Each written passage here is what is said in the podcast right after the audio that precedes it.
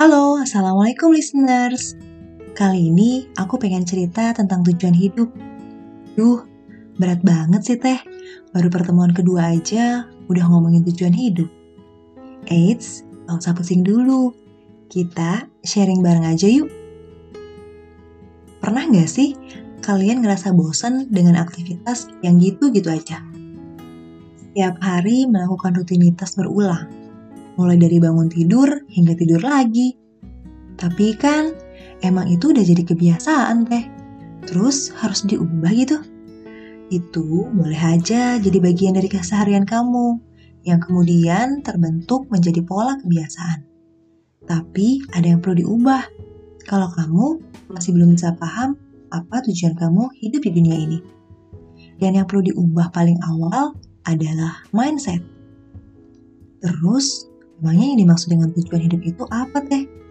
Tujuan hidup itu adalah hal terpenting yang dapat membuat individu memberikan dampak terbesar dari dirinya untuk lingkungan dan sekitarnya.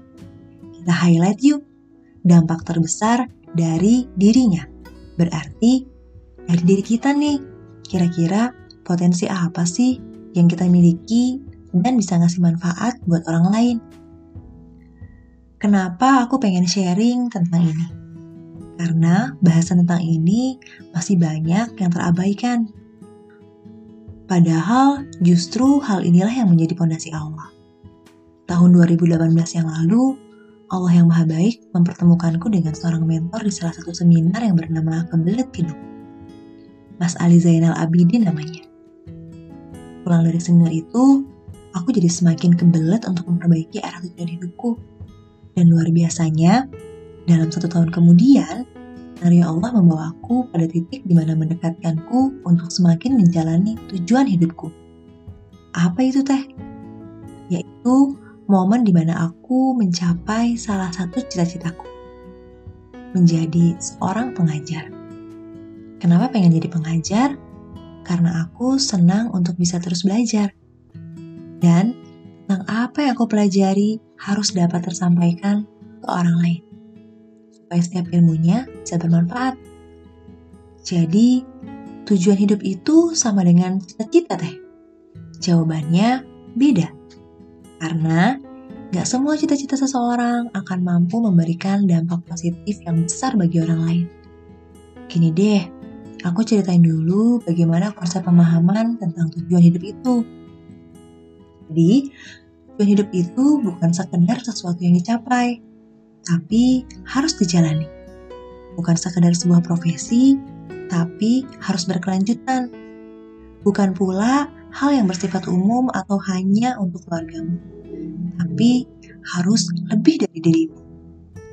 Uh, jadi intinya seperti apa sih teh? Jadi gini, tujuan hidup itu bukan sekedar seseorang yang berada pada posisinya.